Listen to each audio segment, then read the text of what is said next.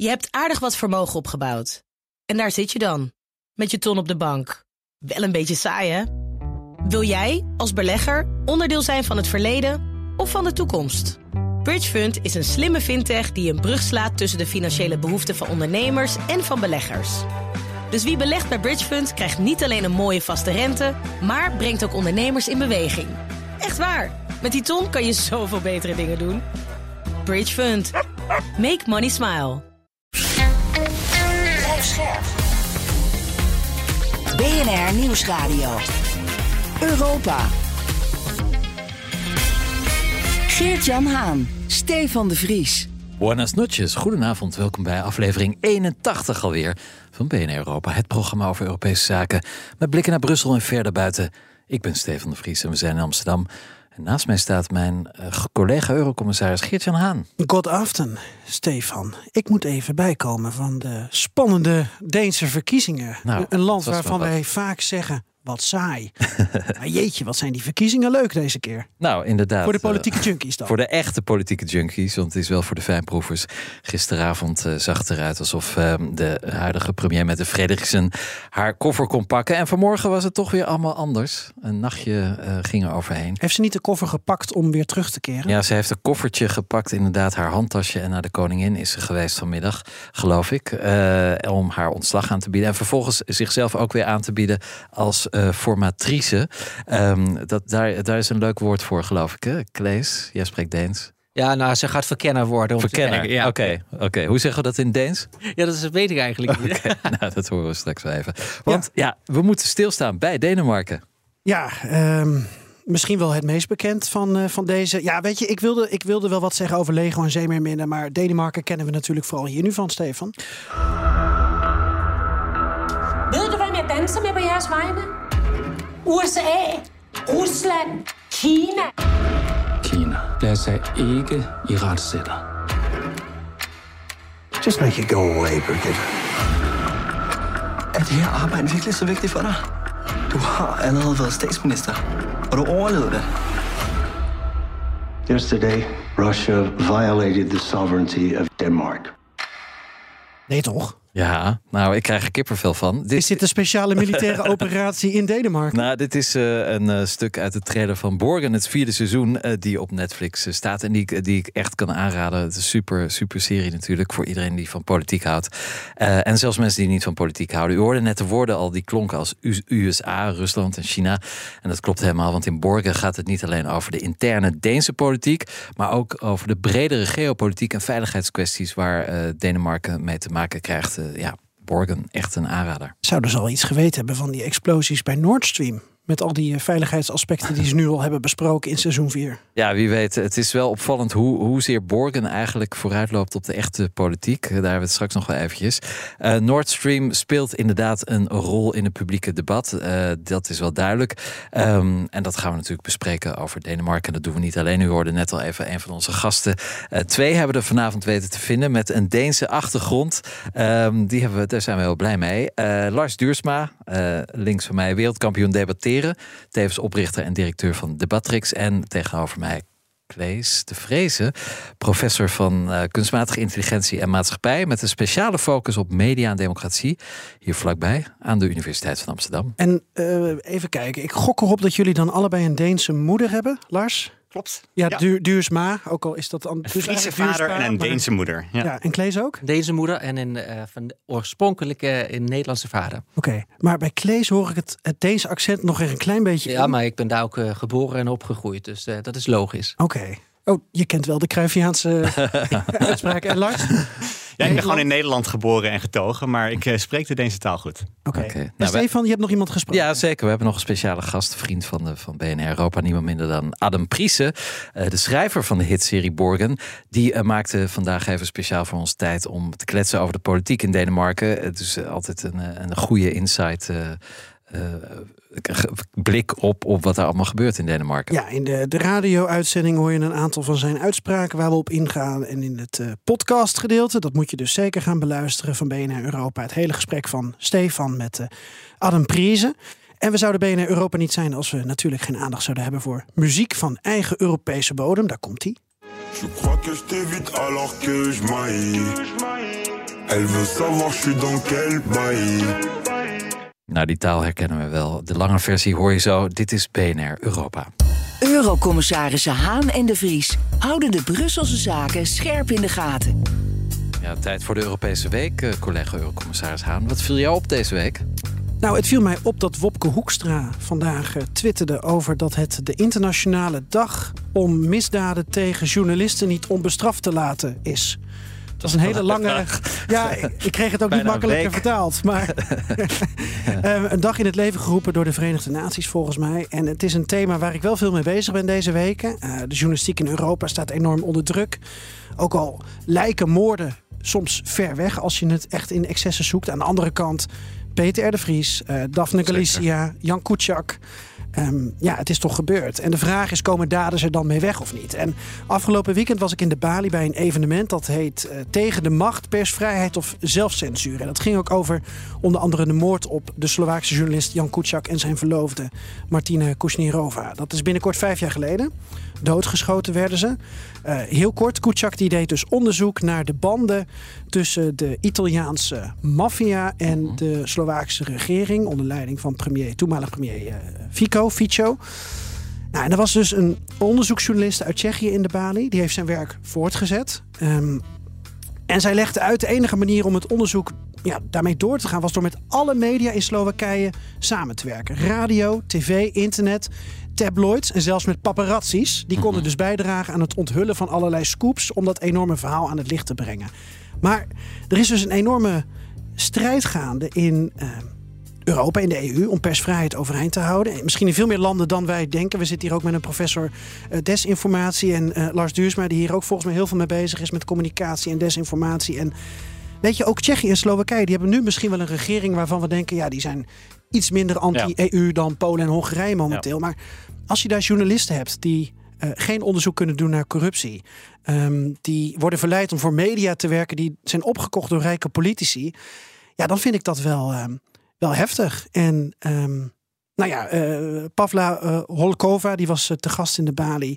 Die gaf ook aan, als er over ruim een jaar verkiezingen zijn in Slowakije... dan is haar vrees dat die oude regering weer terugkomt. Mm -hmm. En dan hangt de hele Slovaakse journalistiek. He's member of a parliament. Uh, he is deputy. Is leader of recently most powerful political party. And probably in a year they will be back at power. So then the journalists are under Fact? Yes. Yeah. ja, net als in Bulgarije. Daar is uh, Boris... Uh, Borisov. Borisov is weer terug. Uh, in de vierde verkiezingen. En die is ook niet vies van wat uh, misbruik nee, van EU-geld. Ja. En dan hebben we nog Griekenland en Cyprus. En uh, ja. ja. zo kunnen we nog even doorgaan. Ja, zeker. Volgende week in BNR Europa meer aandacht voor dit onderwerp. Ja, want we duiken dan ook in uh, Pegasus en Predator spyware. Waar journalisten en politici en activisten in Europa eigenlijk door worden afgeluisterd. Met grote gevolgen. Het speelt in veel Europese landen. En ook Eurocommissaris Reinders die kreeg een melding dat hij was geïnfecteerd.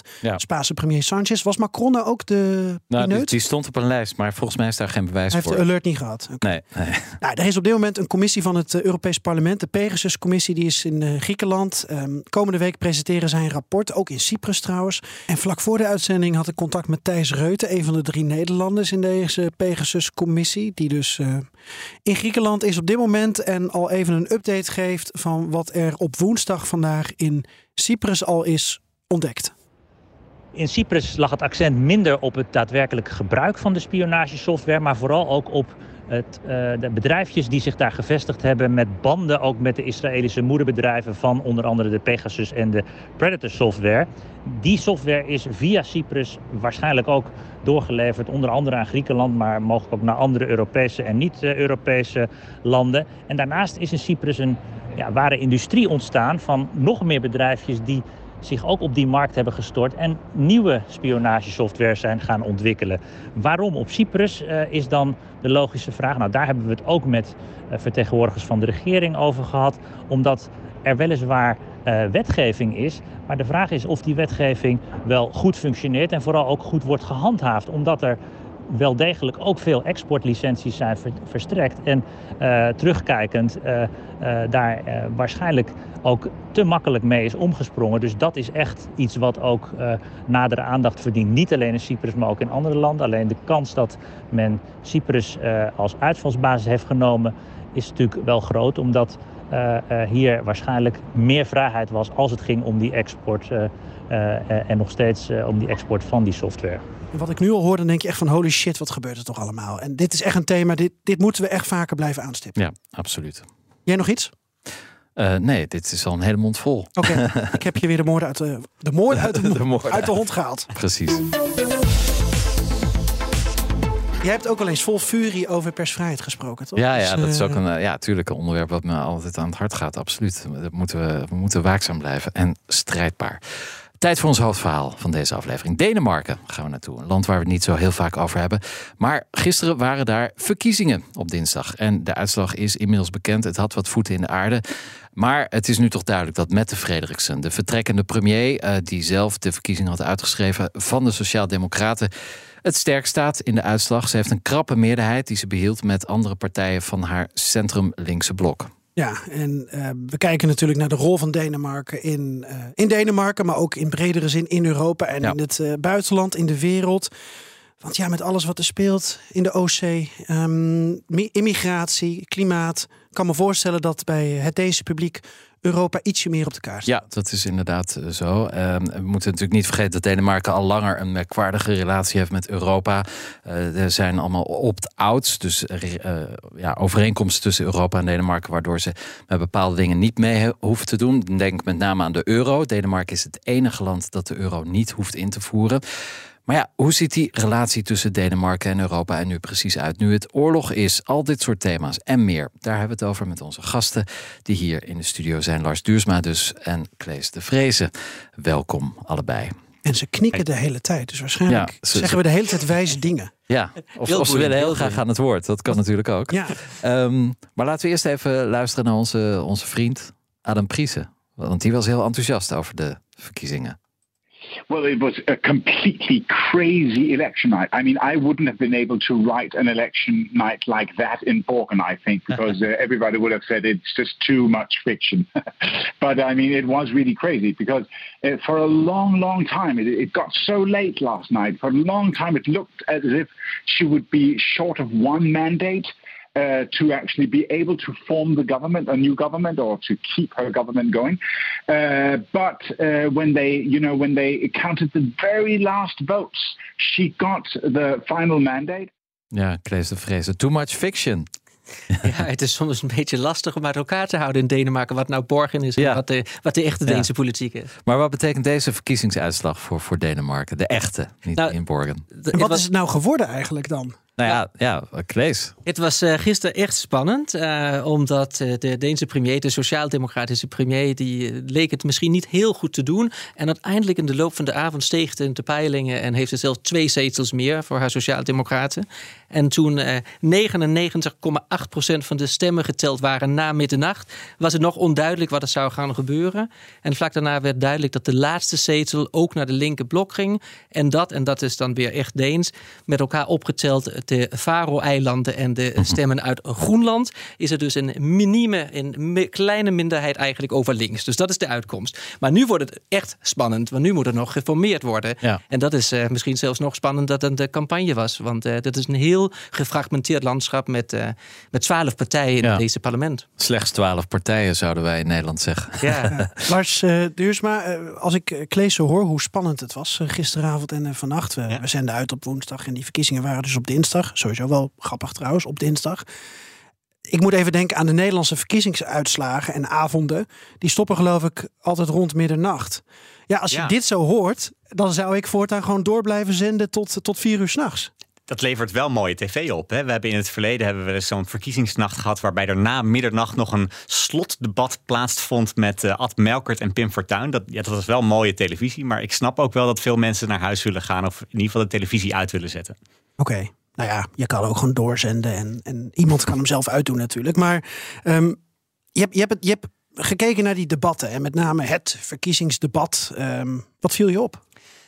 Ja, als je, ik- automatisch ga je het toch vergelijken met Nederlandse verkiezingsdebatten. En in, in Nederland proberen we vaak de selectie van kandidaten kleiner te maken, omdat een debat vaak wat chaotisch wordt als je veel kandidaten hebt. En ik heb het slotdebat gekeken en er stonden echt 14 kandidaten naast elkaar. Van die 14 overigens acht vrouwen. Dus dat, dat valt natuurlijk ook als Nederlander op van een meerderheid van de, van de lijsttrekkers, of, uh, die, die, die was vrouw. En het was een rustig, ordentelijk debat. Mensen lieten elkaar uitspreken. Eigenlijk het, het, het, het, meest opvallende dat er gebeurde was dat er op een gegeven moment activisten in de zaal waren. Die begonnen ineens uit het niets te schreeuwen. En zelfs op dat moment waren alle politici waren heel eensgezind. Ze draaiden zich om, ze richtten zich tot die activisten en zeiden: Ga weg, je hoort hier niet. Dit is niet democratisch. Oh. Ja, die activisten hadden een basisfout gemaakt. Ze hadden zichzelf niet vastgeplakt.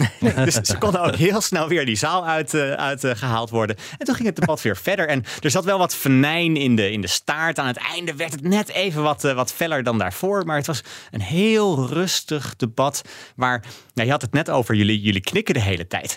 Wat, wat mij opvalt, hè, kijk, als, je, als je mensen laat debatteren, dan is een van de eerste dingen die, die je leert is dat als je het woord wil hebben van de gespreksleider, dan moet je vooral niet ja knikken. Want uh, dat zal je misschien ook als, als, als, presentator hier in de studio herkennen. Wie geeft je het woord? Degene die nee schudt. Want dat is vaak interessant. Hè? Dan heb je conflicten. Dan heb je toch dat mensen een beetje tegen elkaar ingaan. Je, je schudt Geert van nee. maar, maar tijdens dat hele debat, um, uh, de, de, de Deense lijsttrekkers, die waren alleen maar ja aan het, aan het schudden. Dus op een gegeven moment was ook de, de Volkerpartie, dat de, ja, zeg maar een beetje de Deense PVV, uh, um, die was aan het woord.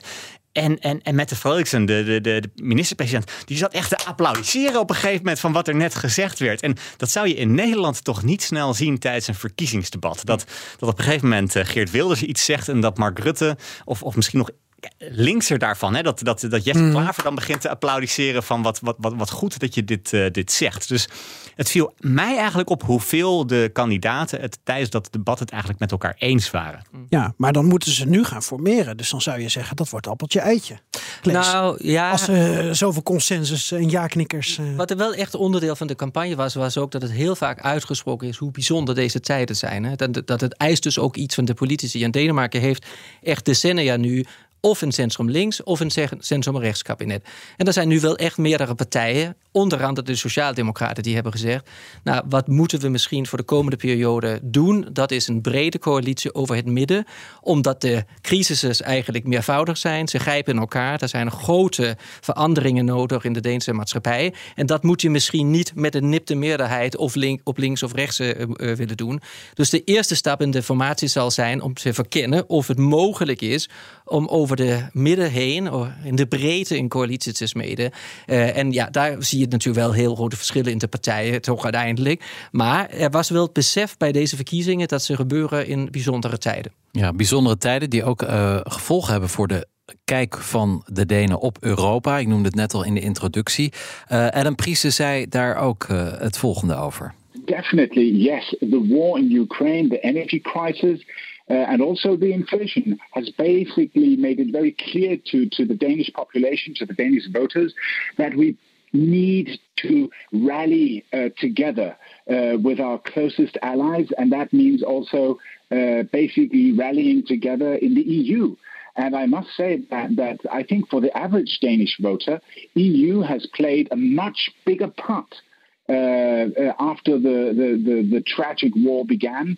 Uh, because all of a sudden uh, we can see that we are in fact stronger together. Stronger together. Klees de Vrees. Herkent u zich in die uitspraken van Adam Priese over het nieuwe belang van Europa voor de Denen? Nou, het zijn delen. Want uh, in Denemarken heb je ook heel vaak gehad dat uh, de Europese Unie en Europa zelf onderwerp van discussie was. Mm -hmm. van, moet er meer integratie komen, moet er samenwerken zijn. Dat was nu afwezig. Maar indirect was het wel heel erg aanwezig. Omdat uh, nou, de oorlog, de energiecrisis, dat zijn natuurlijk onderwerpen waar Denemarken als heel klein land zich heel goed beseft. Ja, daar heb je weinig zelf hier te halen. Daar moet je gezamenlijk in optrekken. En en Denemarken ligt ook op een punt, dat is denk ik belangrijk om te beseffen, in de, tijdens de crisis in de jaren 60 uh, en de Cuba-crisis, Ja, als er schepen werden verzonden vanuit eh, de Sovjet-Unie, kwamen ze door deze vaarwater richting de Atlantische Oceaan. Dus er is gewoon het besef dat Denemarken ligt heel groot bij, of heel dicht bij, bij Rusland. En nu is het de NAVO-zee, hè? De Oostzee is gewoon een NAVO-zee geworden. Ja, en, en, en nou, dat moet nog even afgerond worden, maar dat Ja. lijkt er wel op. En, en dat is voor de Denen ook heel interessant, eh, dat, dat Zweden en, en Finland waarschijnlijk gaan to- toetreden. En daar wordt de Denemarken eigenlijk wel heel positief over gekeken. Dus ja, Europa was heel erg aanwezig, maar wel eigenlijk indirect en misschien voor het eerst niet in een debat over, nou moet je nog lid zijn en moet de Ja. integratie verder gaan of niet. Ja, is, is Denemarken eigenlijk een enthousiaster NAVO-lid dan een EU-lid? Kun je dat zeggen? Dat was zo. Denemarken, zo. Denemarken is begonnen met een referendum over toetreding in, eh, in jaar 70. En toen was eigenlijk veel sceptisch. Maar in de loop van de jaren is die steun voor Deense lidmaatschap in de Europese Unie die is gewoon gestegen en gestegen. En op dit moment is die hoger dan in Nederland. Oké, dus geen eh Dexit eh, in de Absoluut niet.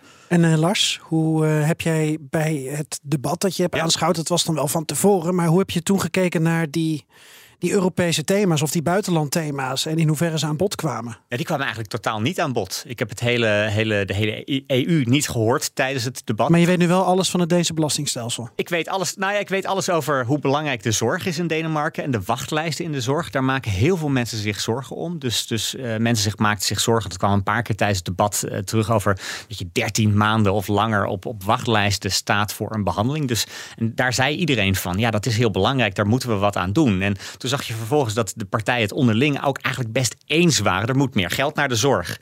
Ja, en, eh, en misschien moet het systeem ook wel veranderd worden. Nou, daar konden ze nog wel eh, een discussie over voeren. Maar daar waren ze het eigenlijk wel over eens. En dat zag je ook bij een aantal andere thema's. Aan het einde ging het heel erg over inflatie. Wat moeten we daarmee?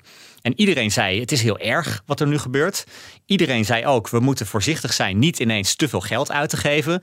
Maar we moeten wel oog hebben voor de mensen die het lastig hebben. Maar dan hebben ze het weer heel erg op, op Denemarken zelf gericht en niet gekeken naar hoe gaan we dat met z'n allen aanpakken. Dat, dat was wel heel erg op, op, op Denemarken gericht, in ieder geval ook tijdens die, eh, die debatten. Dus dat viel inderdaad wel op dat.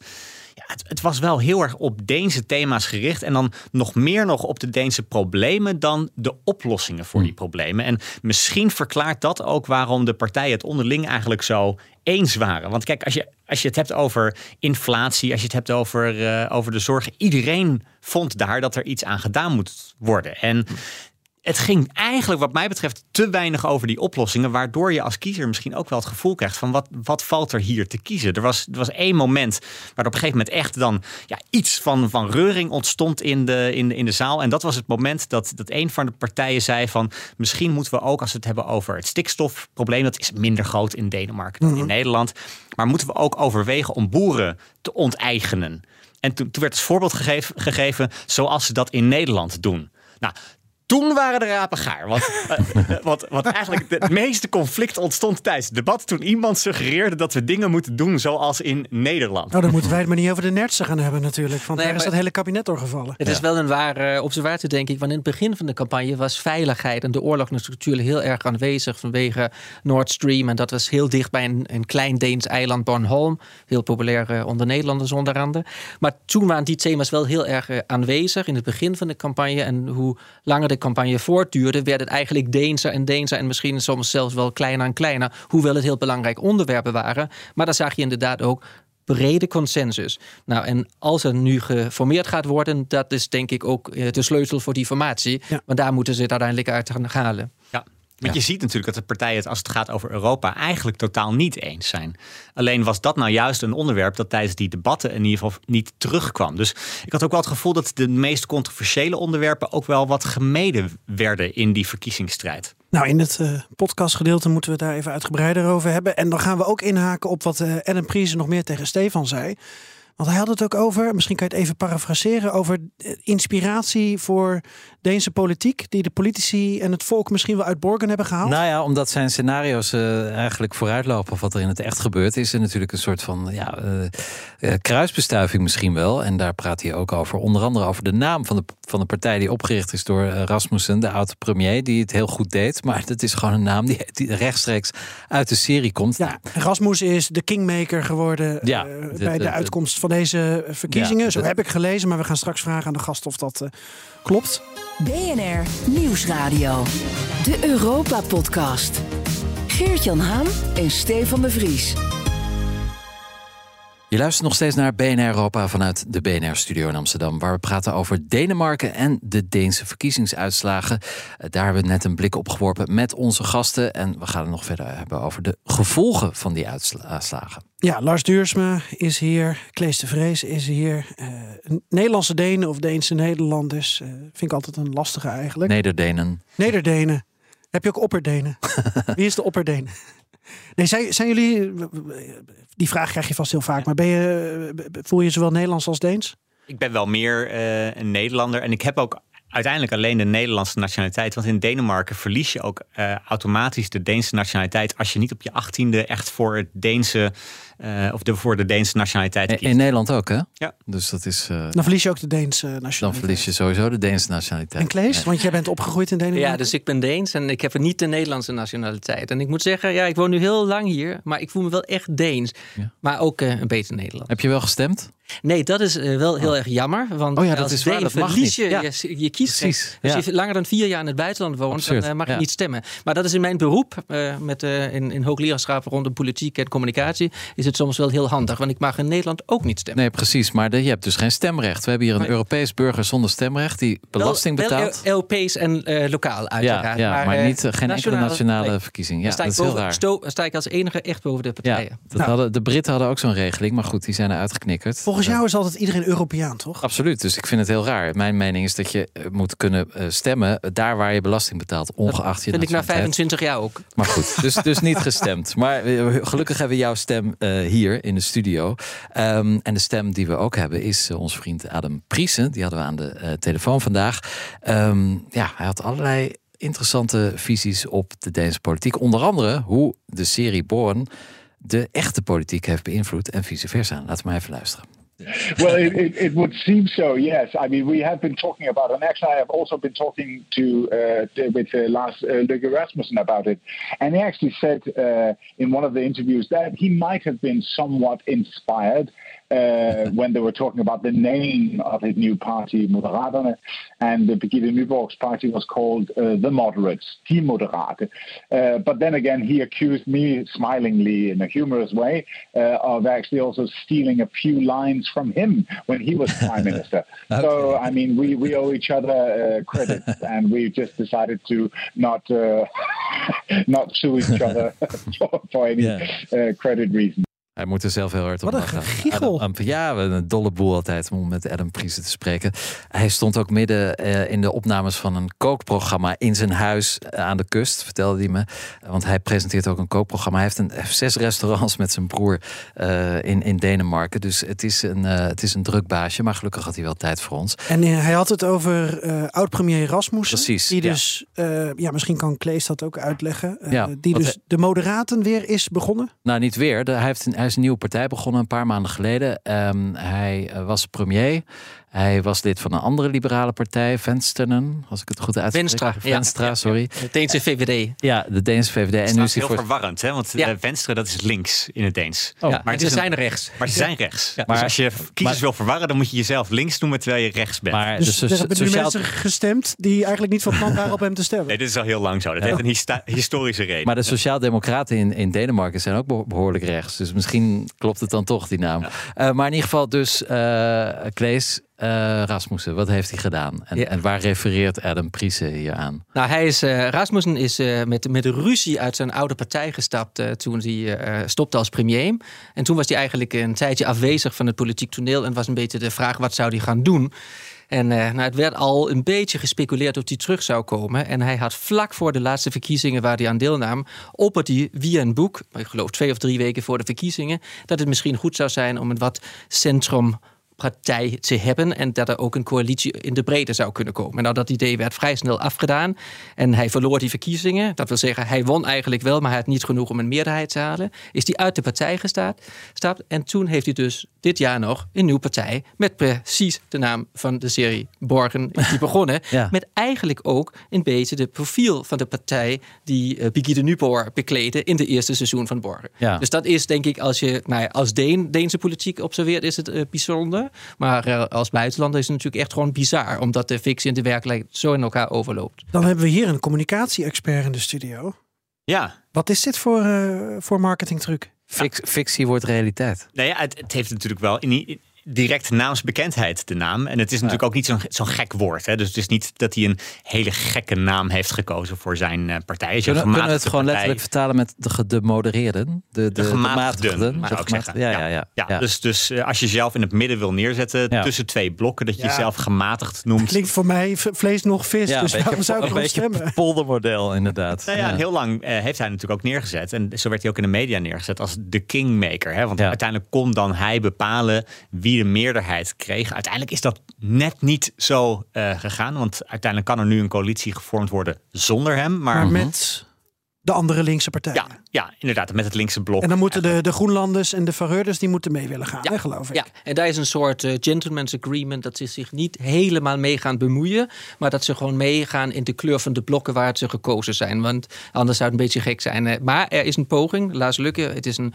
politieke sluwe vos. En hij heeft vannacht dus een van de eigenlijk linkse Groenlandse leden die nu net gekozen is, gebeld met de vraag of eh, die persoon tegen een eh, nou, goede verzoen- ver- voorzieningen in, in Groenland bereid was om over te stoppen naar de rechtse blok, waardoor er in drama gecreëerd had kunnen worden. Nou, dat lijkt me nou echt morgen, mooi verborgen eh, seizoen 5 dit. eh. Ja, dit is echt de borganisering. Ja, Stefan, je Ja. hebt seizoen 4. Ja, ik ook trouwens. Maar hè, ik weet hoe, hoe, met hoeveel plezier je hebt gekeken. Zeker, en daar ging ja. het ook over Groenland natuurlijk. Ja. En eigenlijk ook, hoe kun je alles spinnen? Dat ging ook over, ben je nou voor of tegen eh, een, een harde aanpak van het klimaat bijvoorbeeld? Ja, en op Groenland werd dat ook zo gepresenteerd in, eh, in seizoen 4. Ja. Ja, en het is natuurlijk een heel wonderlijk eh, feit dat Denemarken ja, Groenland heeft. Het grootste land van Europa is. Oh, ja, gaan we die ja. discussie Ja, hier? nee, nee, niet, nee, maar het, het, is, het is geloof ik net zo groot als de Europese Unie qua oppervlakte. En het, er wonen 50.000 mensen. Zo, Ja, nee, het- minder dan in Amsterdam Jij zei voor de uitzending, Denemarken is als Nederland, maar dan zonder koloniën. Maar eigenlijk... nou, zo, ja, maar er Zullen we zijn, van onderwerp veranderen? er zijn, er zijn geen specerijen op eh, Groenland volgens mij. Dus, het is- de, het pittigheid zit, zit, zit niet in dat land. Maar eh, dit terzijde. Maar het, het is wel een, een, een, een- een- ja, het, het heeft een belangrijke rol. Ondanks dat er zo weinig mensen wonen in de Deense politiek. Ja, het is één keer eerder voorgekomen dat er eigenlijk dat de kleur van de regering bepaald werd door die twee stemmen van Faroe-eiland, de twee van, van Groenland. Ja. Maar doorgaans probeert zij in, het, eh, in, het, ja, in het, het maken van een Deense regering niet de doorslaggevende stem te zijn. Nee. Ehm, maar het is, een, in de- het is een bijzondere relatie en ook een relatie die best moeilijk ligt. Maar hoe kijken jullie naar die borganisering van de, van de politiek, Lars? Ja, ik denk dat je het nu met- name natuurlijk ziet met die nieuwe partij die in het midden staat. Ik weet niet of de rest nou steeds meer op Bowen gaat lijken of, of, of minder daarop gaat en de Denen lijken. zelf dan en hun interesse voor, voor politiek en, en de spelletjes. En... Ja, ik ik denk niet dat de serie daar in die zin voor, voor, voor de Denen zelf echt heel veel heeft veranderd. Het heeft met name natuurlijk Denemarken op de kaart gezet als de maker van, eh, van series. Hè? Want ik denk ook Scandinavische series, die worden nu ook steeds beter bekeken. En dat is natuurlijk wel door Bowen in, in, in gang gezet. Hè? Dus ik denk niet dat, daar, eh, dat je daar echt kan zeggen dat die serie in Denemarken zelf iets, eh, iets veranderd heeft. Nou ja, de serie heeft, is, is er vooral eigenlijk in geslaagd om heel goede thema's op juiste momenten eruit te kiezen. Dus in de eerste ging het over de eerste vrouwelijke premier. Nou, dat was net in de tijd dat dat ook in Denemarken gebeurde. En zo is het iedere keer, eh, is die serie dus echt heel erg knap gemaakt. En wat hem als politieke serie denk ik ook heel interessant maakte, was dat het een keertje niet een Amerikaanse of een Engelse serie was, maar een serie waarin ja, het allemaal wat kneuteriger is, waarin dat het een meerpartijenstelsel is en dat je de hele tijd dealen en wielen moet en coalities moet sluiten. En dat maakt het ook als politieke serie natuurlijk heel interessant. Ja, ik zei net schertsend dat de Sociaaldemocraten behoorlijk rechts zijn in Denemarken. En dat heeft natuurlijk te maken met het eh, strenge immigratiebeleid. Het, het allerstrengste, denk ik, van, van Europa.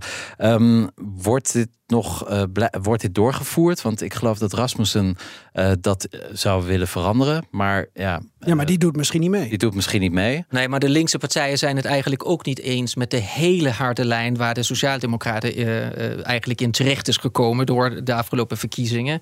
Eh, Het is een, het is en blijft een, een groot onderwerp. En, en wat je ziet in Denemarken is dat je meer dan twintig jaar lang speelt dit. Ja. En de Deense Volkspartij, die begin van de nullen heel erg groot was, heeft nooit echt meegeregeerd. Maar de grootste impact die zij eigenlijk hebben gehad op het Deense stelsel is dat alle andere partijen zijn gaan schuiven. En dus nou, op dat punt rechtser en, en, strenger zijn gaan worden. Ja, en de Deense Sociaaldemocraten die uh, kozen ervoor bij de vorige verkiezingen om echt nog een stuk strenger te worden op, op immigratie en integratie. Verloor daardoor ook wat kiezers aan meer progressieve partijen. Mhm. Maar wist dan weer net genoeg kiezers terug te winnen. Onder andere voor de Deense, van de Deense Volkspartij. Om daar de grootste te worden en, en, en daardoor ook uh, de regering te kunnen formeren bij de afgelopen verkiezingen. Hoe doen die eh, Deense Sociaaldemocraten dan in Straatsburg? Want ik kan me voorstellen, ze zitten natuurlijk in de SND-fractie.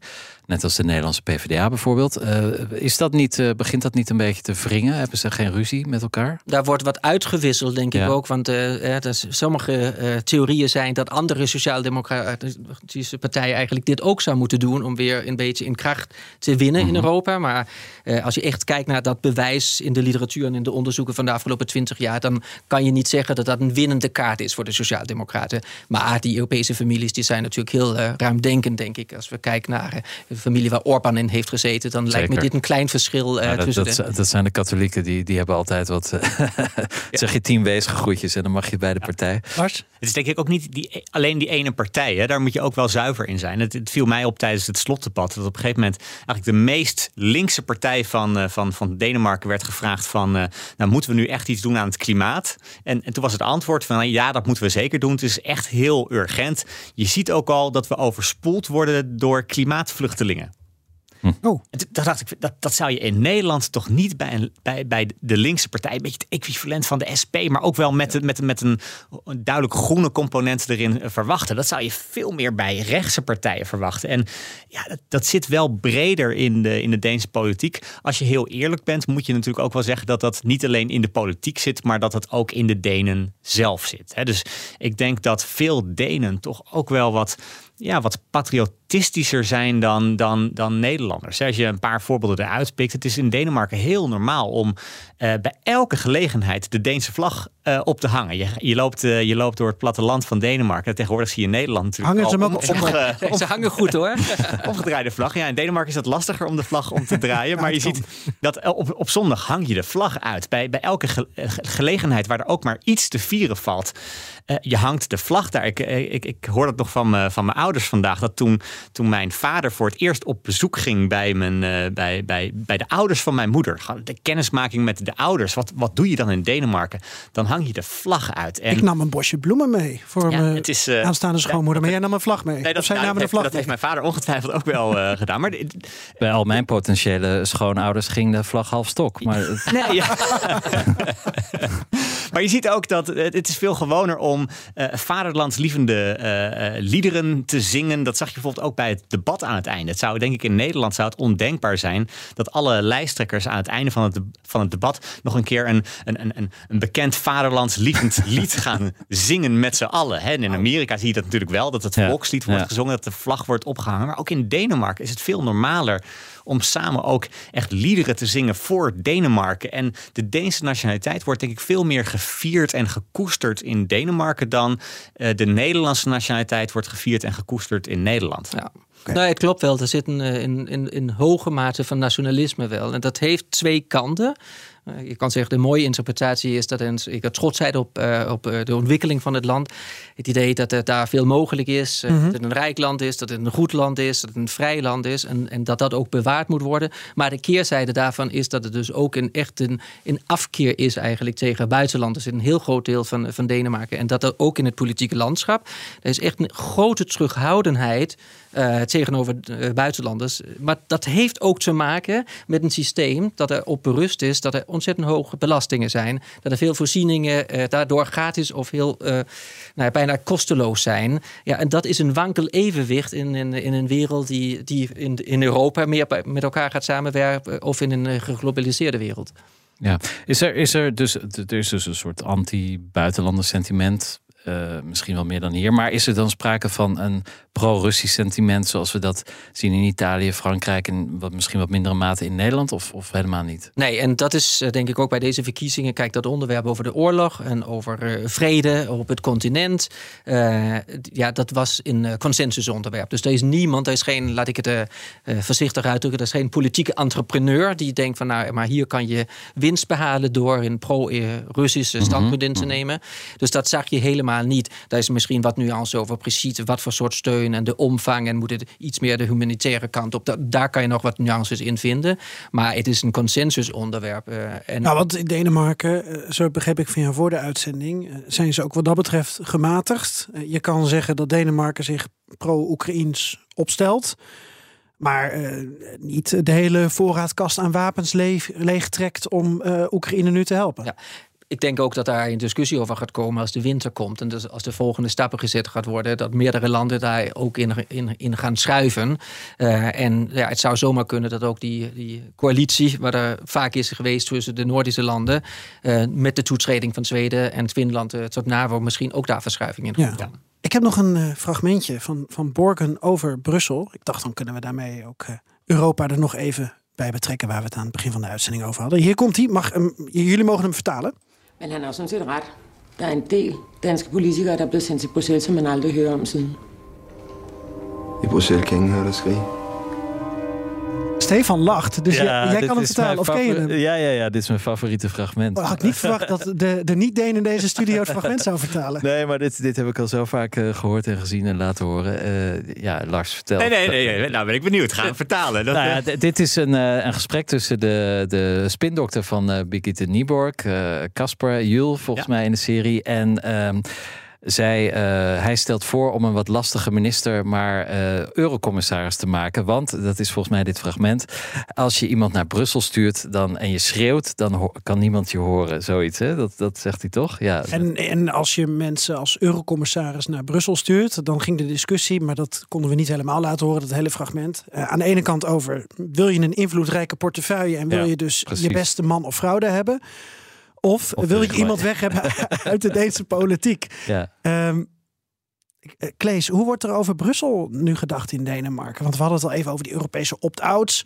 Um, ik, ik krijg nooit helemaal zicht op Denemarken wat dat betreft. Wat is hun, hun kijk op Brussel? Nou, het is een, echt een, een, een ambivalente relatie eigenlijk. Dus je, sinds begin jaar 70, waar een referendum was over wel of niet toetreding. Dat was ook een spannend referendum. Denemarken is toen toegetreden. En dat betekent dat je sinds de jaar 70 eigenlijk een discussie hebt, een politieke discussie, een publieke discussie over de relatie tussen Denemarken en de Europese gemeenschap of later de Europese Unie. Daarna zijn er meerdere referenda geweest over allerlei soorten vertragen. En dat betekent dat het een heel ingewikkelde relatie is, waar Denemarken wel volledig lid is, maar op uh, een aantal punten een uitzonderingspositie heeft. Maar dat heeft er wel voor een aantal voordelen ook gezorgd. En eigenlijk ook een paar die je soms mist in Nederland. Want doordat er al sinds de jaren 70 een politiek debat is over wat wil je nou met Europa, hoe ziet die samenwerking daaruit, heb je dus ook dat onderwerp veel hoger op de politieke agenda uh, gehad uh, al die jaren. En uh, je hebt ook gezien dat er in de discussies voorafgaan aan al die referenda, zijn moeilijke onderwerpen, verdrag van Maastricht, verdrag van Edinburgh, van Amsterdam, de introductie van de euro, allemaal onderwerp van, van discussie voor een referendum geweest. Maar doordat je dat herhaaldelijk hebt gehad, kom je dus ook niet weg met soort heel erg angstscenario's. Of alleen maar heel lovende platitudes over hoe fantastisch de Europese Unie is. Dus ik uh, zou zeggen dat de Deense Europa-discussie een stuk volwassener is, een stuk genuanceerder is eigenlijk dan een land zoals Nederland, die daar vanaf het begin is geweest. Maar waar er, nou ja, tot Turks lidmaatschap op de agenda kwam in 2005, bijna niet over Europa was gediscussieerd. Want die, daar hebben dus al sinds de jaren 70 politieke partijen die tegen lidmaatschap zijn, of misschien voor lidmaatschap, maar niet samenwerking op dit dossier. En dat maakt het in nou, een wat volwassener en een wat genuanceerder politiek debat. Dus ik snap dat je denkt van ik kan ze niet helemaal peilen. Uh, dat is denk ik waar, maar dat komt door die ambivalentie. Maar dat is dus ook een gevolg van 40, 50 jaar lang discussie hierover. Hm. Ja.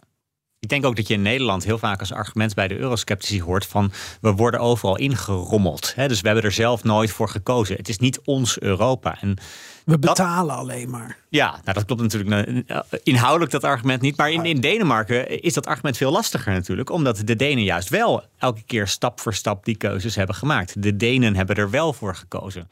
Dus in die zin zie je ook wel dat de argumentatie daar, denk ik, in het debat anders wordt door de keuzes die in het verleden gemaakt zijn. Het klinkt een beetje alsof, alsof moderate, dat, dat, klinkt als hè, gematigd. Dat, dat vonden jullie ook een vrij Deens, Deens idee. Wel overwogen klinkt ook als een vrij Deens idee.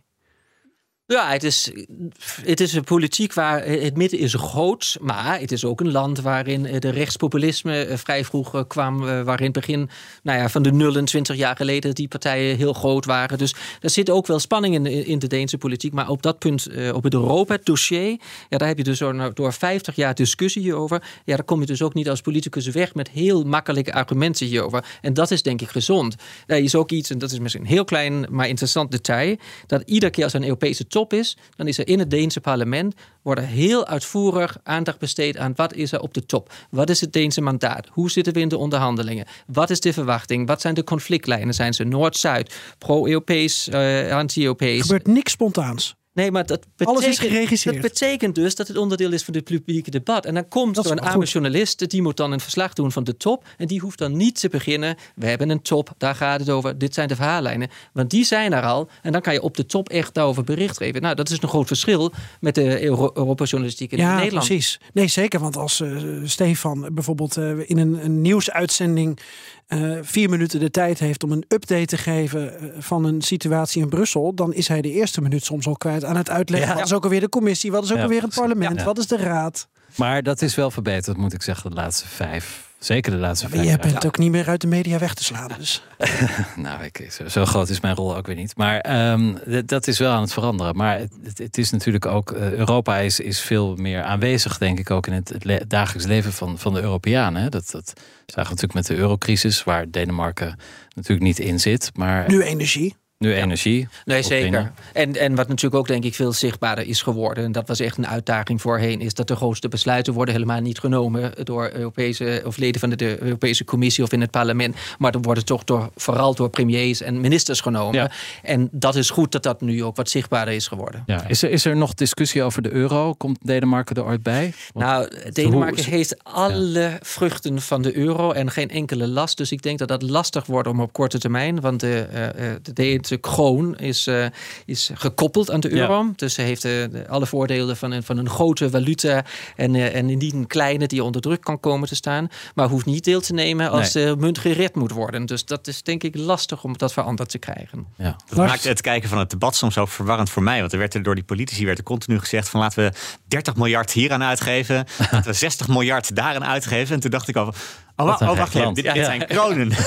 Natuurlijk. Dat is, dat is toch een stuk minder geld. Ja, ja absoluut. Wij hebben jou een keer uh, eerder gesproken in BNN Europa. Dat ging toen eigenlijk over leiderschap in, in coronatijd. Ja. Uh, crisiscommunicatie. Uh, waarbij Denemarken heel interessant was om te volgen. Omdat Frederiksen dat volgens mij in jouw ogen, als ik me dat goed herinner, goed deed. Absoluut. Um, ja, wat kunnen we nu van? Heb jij enig idee? Jij volgt het niet dagelijks, hè, de Deense politiek. Maar wat, wat is jouw indruk bij haar? Gaat zij misschien Denemarken wat meer uh, op de voorgrond in Europa krijgen? Je ziet het namelijk bij landen waar de leiders wat langer zitten en wat meer presteren, dat ze ook wat belangrijker Bekender worden. Ja, ik, dat zou, het zou me in die zin niet verbazen. Je merkte ook wel tijdens de, de, tijdens de verkiezingen dat zij zich echt overal meer als de voice of reason neerzetten en als degene die boven de partijen staat. Hè. Dus zij probeerden dat ook echt nationaal uit te buiten. En ja, je ziet in Europa natuurlijk wel een fenomeen dat hoe langer je meeloopt, uh, hoe meer mensen je kent, hoe meer je uiteindelijk ook te zeggen hebt. En ik denk dat dat, dat zag je natuurlijk bij Rutte voor een deel al uh, gebeuren. Dat iedereen kent, uh, kent Rutte van de, van de nationale leiders. Maar ja, dat, dat zal ook haar helpen als zij langer blijft, blijft zitten. Ja, het past ook, denk ik, in hoe ze deze verkiezingen in is gegaan. Met de boodschap, ja, grote uitdagingen, gezamenlijke besluiten. En dat, daar hoort ook uh, internationale besluiten en veel daarvan in Europees verband. Ja. En, en, dan gaat ze misschien net als uh, Brigitte Nuborg uh, ooit naar Brussel. Ja, Nou ja, misschien. Nou, dat, weet, dat weet ik niet. Dus ik vond het in ieder geval qua coronacommunicatie vond ik het interessant dat kijk, in Nederland hebben we heel veel discussies gehad. Hè? Wel of geen avondklok. Ehm, mensen die voor of tegen vaccinaties waren. En in, in Denemarken had je eigenlijk al die polarisatie veel minder. Hè? Dus het was, het was een enorme eensgezindheid om, uh, om uh, ja, toch samen die crisis aan te gaan. En wat dat betreft is het misschien wel typisch dat uiteindelijk het meest controversiële onderwerp in die hele coronadiscussie was. Of, of er niet ten onrechte heel veel nertsen waren afgemaakt. Want daar is uiteindelijk die, die ja, vervoegde verkiezing uit voortgekomen. Nou ja, als het meest controversiële onderwerp in de hele coronadiscussie is of je niet te vroeg nertsen hebt laten afmaken. Nertsen die toch al afgemaakt zouden worden voor hun vacht. Hè? Want ja, die dieren die, die, die, die, gingen sowieso dood. Ja, dan, dan, uit hoor dat, voor de reacties. Ja, nee, maar ja, dat, dat, dat is in dit geval ook gewoon. Die, die beesten gingen toch dood. En ze zijn nu alleen iets eerder dood. Ja, als dat het meest controversiële onderwerp is in het hele coronadebat, dan geeft dat ook wel aan hoe, hoe eensgezind de Denen in die crisis waren. Ja, dat, dat viel mij wel echt op. Eh, na heel lang in Nederland gewoond te hebben en dan het contrast met Denemarken. Want ik zeg altijd, nou, die twee landen die lijken heel erg op elkaar. De mensen kunnen we goed vinden met mhm. elkaar. Maar uh, hoe er om werd gegaan met de crisis was echt een soort eye-opener. En dat is misschien ook voor het eerst in de hele periode hier in Nederland dat ik heb gedacht, nou, misschien moet ik dan toch teruggaan. Want uh, die crisiscommunicatie was vanaf het begin heel anders. En er was echt een idee van een soort gezamenlijkheid in de, in de oplossing. Denemarken was ook vrij streng. Ja. Was ook snel in lockdown, maar ook snel weer open. En eigenlijk tot en met nu is het dat coronabeleid van de regering is gewoon heel erg breed gesteund. En daar is geen museumplein iedere dag uh, of iedere zaterdag en zondag vol geweest met demonstraties. Er waren wat mensen die demonstreerden. Nou, er werd een raam open gedaan, live televisie. En er werd geroepen, ga toch naar huis. En toen zijn ze naar de McDonald's gegaan. En dat, nou ja, dat was een beetje het niveau. Maar dat, dat je, je zou ook maatschappij was veel sneller ook open. Dus en ja, ja dat, dat heeft ook overigens bij uh, Mette Frederiksen als, als premier haar vertrouwenscijfers en haar populariteit was op dat moment echt misschien ongezond hoog eigenlijk. Ja, je zou kunnen zeggen de Denen zijn veel volgzamer. Zo kan je het ook interpreteren. En dat uh, zijn we misschien ook wel een beetje. Maar dat is ook omdat er in het Deense uh, schoolsysteem wordt heel erg veel nadruk gelegd op uh, ja, saamhorigheid en fellowship. Dus een soort waar is de maatschappij op uitgemaakt? Dat is ook om dingen samen te doen. En mhm. daar wordt ook heel veel geïnvesteerd in burgerschap onderwijs. En dat, nou, dat zie je ook nu, de hele viering van zo'n verkiezingen, waar jij ook net over had. Dit is eigenlijk een soort feest van de democratie drie weken lang. Met ook politici die in in, in saamhorigheid zich uitspreken over hoe fijn het is om vrije verkiezingen te kunnen hebben. Ja. Dat is sowieso een gevoel dat ik altijd meer met mijn Deense nationaliteit heb gehad dan met de Nederlandse nationaliteit. Dat in Denemarken vier Maar je hebt maar één nationaliteit, zei je net. Ik, ja, ik had er vroeger dus wel. Top ja, 18e had ik hem, eh, had ik hem wel. Um, maar de, de, Denen vieren ook meer dingen samen. En die, uh, ik, ik, weet nog heel goed, de kerst is bijvoorbeeld echt zo'n traditie. Dat doe, je, dat doe je met elkaar. En heel Denemarken eet hetzelfde met, met, met kerst. En elke, elke gang is hetzelfde. Heel Denemarken doet hetzelfde op de eerste kerstdag, op de tweede kerstdag. Je hebt liedjes die in heel Denemarken Denemarken gezongen worden. En waarbij je elkaar dan de handen vasthoudt en rond de kerstboom danst. En je weet gewoon dat er allemaal van die dingen zijn die in heel Denemarken gebeuren. En ik denk dat uiteindelijk dat natuurlijk ook wel wat doet met het gevoel dat je, dat je, dat je hebt dat je samen ergens voor strijdt. Dus dat samen, is Danish uh, Dynamite. Ik vraag het me al 30 jaar af. Dat, maar, dat, uh, dat, het begint met het dansen rond de kerstboom. Klinkt wel heel beklemmend, maar misschien ja, dat klinkt heel beklemmend. Ik wilde zeggen, we hadden, uh, Halloween was, was gisteren, maar ik, ik, ik ben nu helemaal aan het. Uh, Ga voor een deze kerst. Ja, dansen nee, rond de Nee, dankjewel, niet aan mij besteed. Maar we hebben, we, hier is toch Koningsdag. Uh, daar, daar heb je dat ook toch dat soort dingen. Dat is, dat is nog veel uitbundiger in plaats van ja, of een de thuis gaan zitten. De bielen, ja, wat je ook wil. Dat is toch iets wat denk ik een kleiner deel van de bevolking echt heel fanatiek doet. Terwijl uh, kerst in Denemarken, uh, dat is echt iets wat, wat door iedere Deen diep uh, gevoeld wordt. Ja, misschien omdat er de rest van het jaar eigenlijk heel weinig te doen is in Denemarken. Nou, dan gaan we weer een beetje het niveau van die cabaretiers die vroeger altijd zeiden van als de wereld vergaat, dan kan je best naar Denemarken gaan, want daar gebeurt alles. Nou, in coronatijd had uh, ja. Klees dus die uh, behoefte, dus wat dat betreft uh, ja. klopt het, misschien nog ook. Nederland dat alles hier 50 jaar later gebeurt. Ja, misschien. Hè? Ja, ja. Nou ja, we zullen het pas weten over 50 jaar. We hebben nog een uitsmijter. We hebben nog een uitsmijter. Hoe zeg je zeker. dat ook weer in het Deens? In afsluiting. Ja, dat is meer een afsluiting. Misschien, hè? Dat is niet een climax. Nee, maar een uitsmijter is is meer een leuke afsluiting. Ja, oké. Ja. Ja. nou, een afsluiting, dat, dat is meer wel gewoon de afsluiting. Hè? Dat, hoeft, dat hoeft niet een uitsmijter te zijn. Dat, dat kan ook een anticlimax zijn. Dat... Ja, Nou, ja maar dit, dit is klopt, eigenlijk wel klopt. een... eh, maar een- nu, nu gaan we bepalen of het leuk is of niet. Dus eh, ga maar door. Eh, eh, jullie mogen zelf bepalen of het leuk is en onze luisteraars ook. Want we wisten nog iets te ontlokken aan Adam Priest. Laten we maar even luisteren. One final and maybe the most important question uh, for our listeners, uh, who are also huge fans, of course. Will there be a Borgen season five?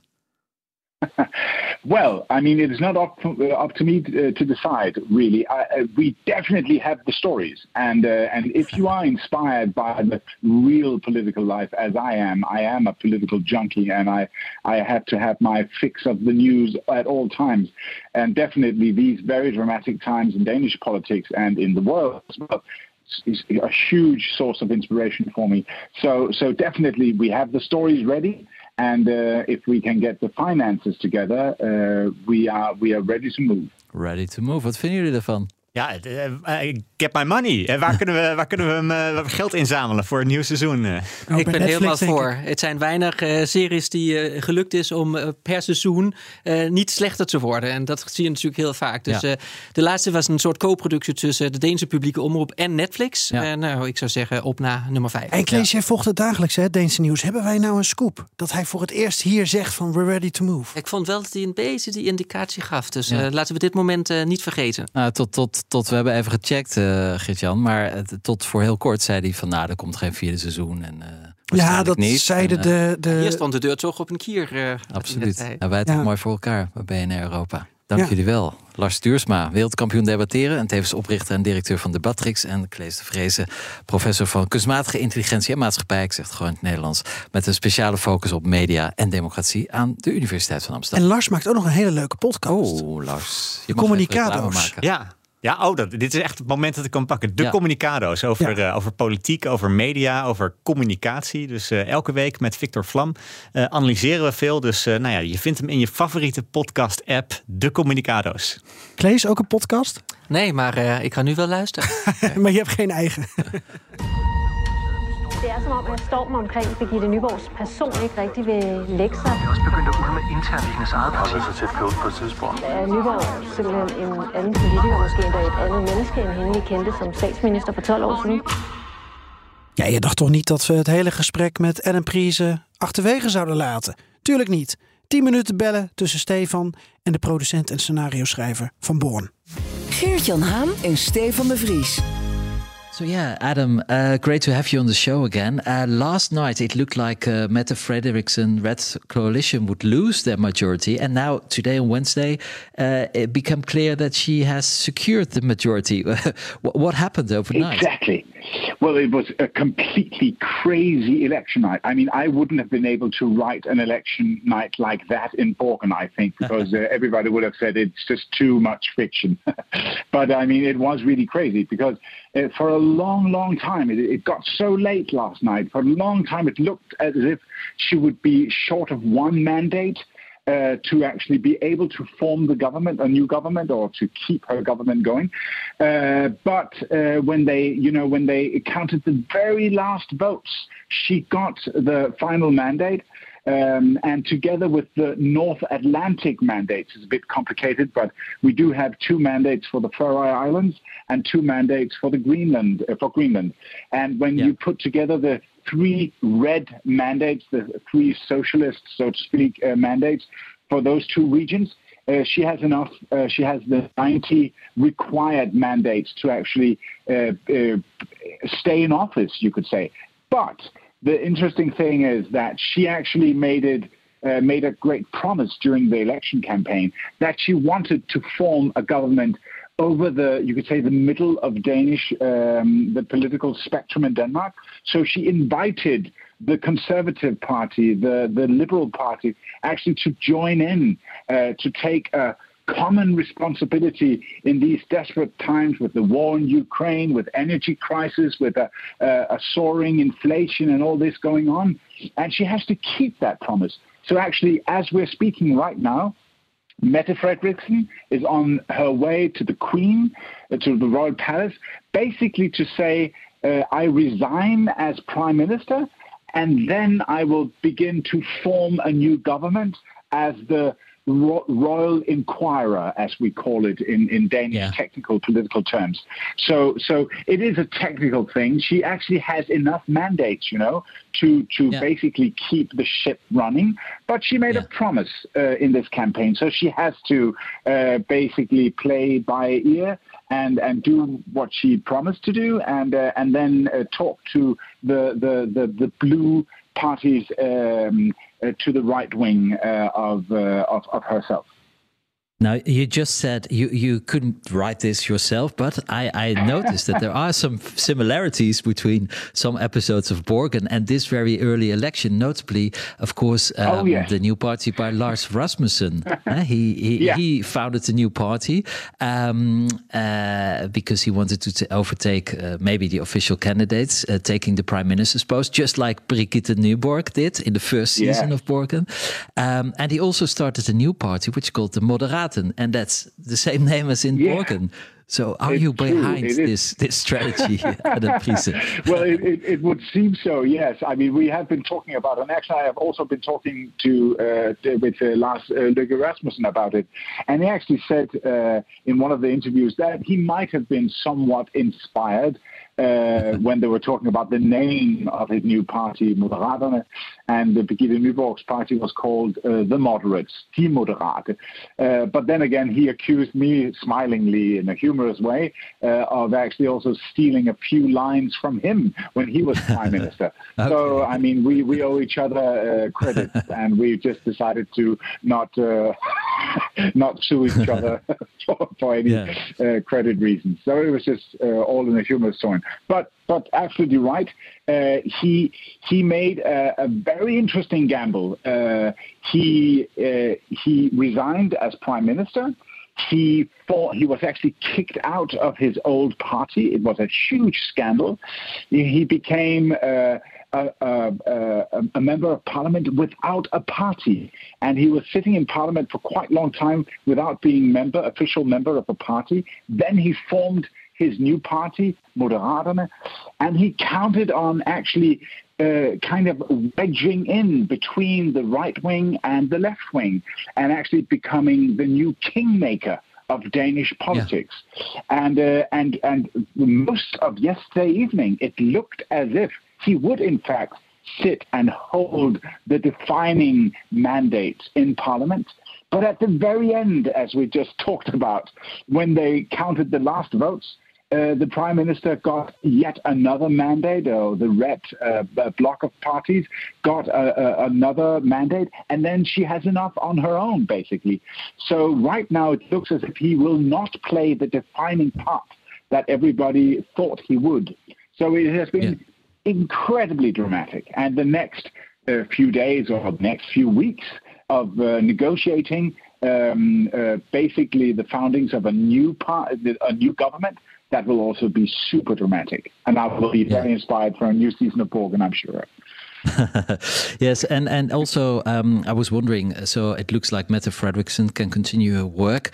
Uh, we've seen that uh, Denmark has been shifting a bit more towards the European Union over the last couple of months uh, due to the war. Uh, there was a referendum on the defense uh, collaboration.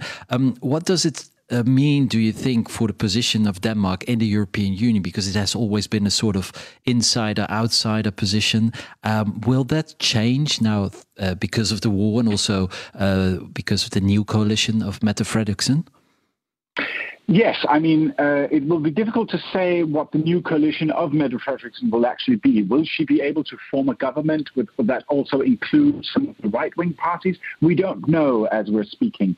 But definitely, yes, the war in Ukraine, the energy crisis, uh, and also the inflation has basically made it very clear to, to the Danish population, to the Danish voters, that we need to rally uh, together uh, with our closest allies, and that means also uh, basically rallying together in the EU.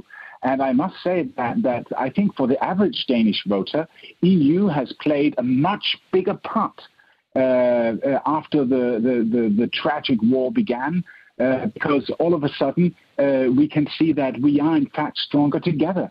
And we are both when we're fighting uh, alongside Ukraine, uh, supporting them, but also when we're fighting the monster of the energy crisis and and uh, also the inflation. So we will need each other. We will need the European collaboration, and of course we will also need to strengthen our uh, our. Um, uh, ties with uh, the Americans. Basically, we, we need to come together to solve this. Yeah, yeah. Now, in the Netherlands, we have a system that's very comparable to the Danish system a constitutional monarchy, many political parties, and always a coalition. Uh, but here in The Hague, uh, forming a government can last many, many months, sometimes more than a year. Uh, Yeah. How does it work in, in, in, in Denmark? When do you expect a new government in, uh, in Copenhagen? Well, it is interesting. I mean, we, we usually form a government within a few weeks, uh, maybe a month, but that will be tops. I think if we look at uh, look at it uh, historically, uh, so we don't have a tradition for extremely long uh, uh, negotiations of around the forming of a new government, but this is an extreme situation, and we might see uh, a, a different situation now because of uh, um, uh, the promises made by Mette Frederiksen that she would actually try to form a government with some of the right wing parties as well. But she has the luxury of going back to, uh, you know, the 90 mandates that she actually holds and form uh, a government with uh, the, the red majority as she has at the moment. Yeah. Um, yeah, well, maybe if you need some advice about how to form a coalition, uh, uh, we will call. Yeah, we will call. Um, I hope you will call. But I have one final and maybe the most important question uh, for our listeners, uh, who are also huge fans, of course. Will there be a Borgen season five? Well, I mean, it is not up, uh, up to me uh, to decide, really. I, uh, we definitely have the stories, and uh, and if you are inspired by the real political life, as I am, I am a political junkie, and I I have to have my fix of the news at all times, and definitely these very dramatic times in Danish politics and in the world is a huge source of inspiration for me. So so definitely we have the stories ready. And uh, if we can get the finances together, uh, we are we are ready to move. Well, I'm sure you will manage. I'm sure we are very happy if there's a new season. Uh, thank you, as always, here on BNR Europe, uh, Adam Priese in Copenhagen. I know you have to go back to the kitchen right now, huh? because you're shooting I your do, other, um, others. Yeah. exactly. I'm shooting a cooking show together with my brother, so I will be back uh, at the stove in two minutes. Okay. Well, how, how do we see? Uh, do, how do we say enjoy your meal in Danish? Velbekomme, we say. Velbekomme. Enjoy your Okay. meal. Exactly. Thank you very much. Thank you Adam so much. It was a pleasure. Thank you. De nummer 1 in.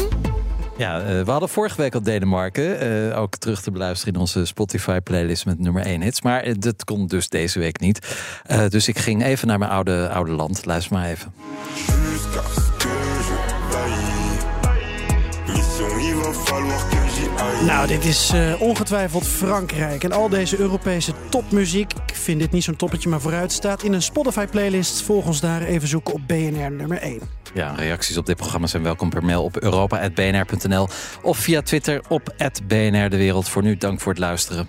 Volgende week zijn we er weer. À la prochaine. Je hebt aardig wat vermogen opgebouwd. En daar zit je dan, met je ton op de bank. Wel een beetje saai, hè? Wil jij, als belegger, onderdeel zijn van het verleden of van de toekomst? Bridgefund is een slimme fintech die een brug slaat tussen de financiële behoeften van ondernemers en van beleggers. Dus wie belegt bij Bridgefund krijgt niet alleen een mooie vaste rente, maar brengt ook ondernemers in beweging. Echt waar. Met die ton kan je zoveel betere dingen doen. Bridgefund. Make money smile.